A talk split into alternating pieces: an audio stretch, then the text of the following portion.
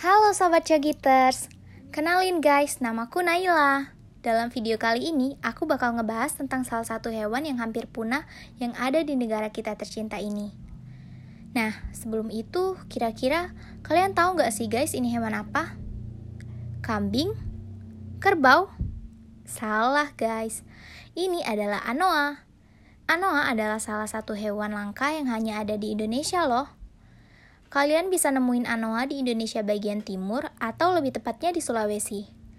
Anoa ini memang mirip dengan kerbau, tetapi anoa memiliki tubuh yang lebih kecil.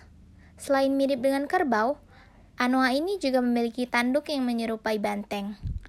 Tapi sayang banget guys, soalnya populasi anoa di Sulawesi hanya tersisa sekitar 2469 ekor saja dikarenakan banyak penduduk yang berburu anoa untuk dikonsumsi dagingnya. Hal ini membuat anoa menjadi salah satu satwa yang dilindungi pemerintah Indonesia.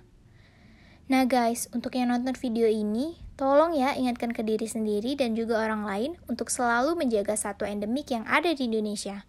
Salah satunya anoa. Jangan sampai anak cucu kita nanti nggak bisa melihat langsung dan mengetahui keberadaan anoa.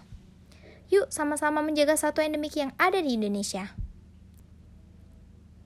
Nah guys, segitu dulu ya video hari ini. Jangan lupa untuk like dan sebarin video dari Kogito ini supaya kita semua bisa sama-sama terus belajar. See you on the next video guys. Dah.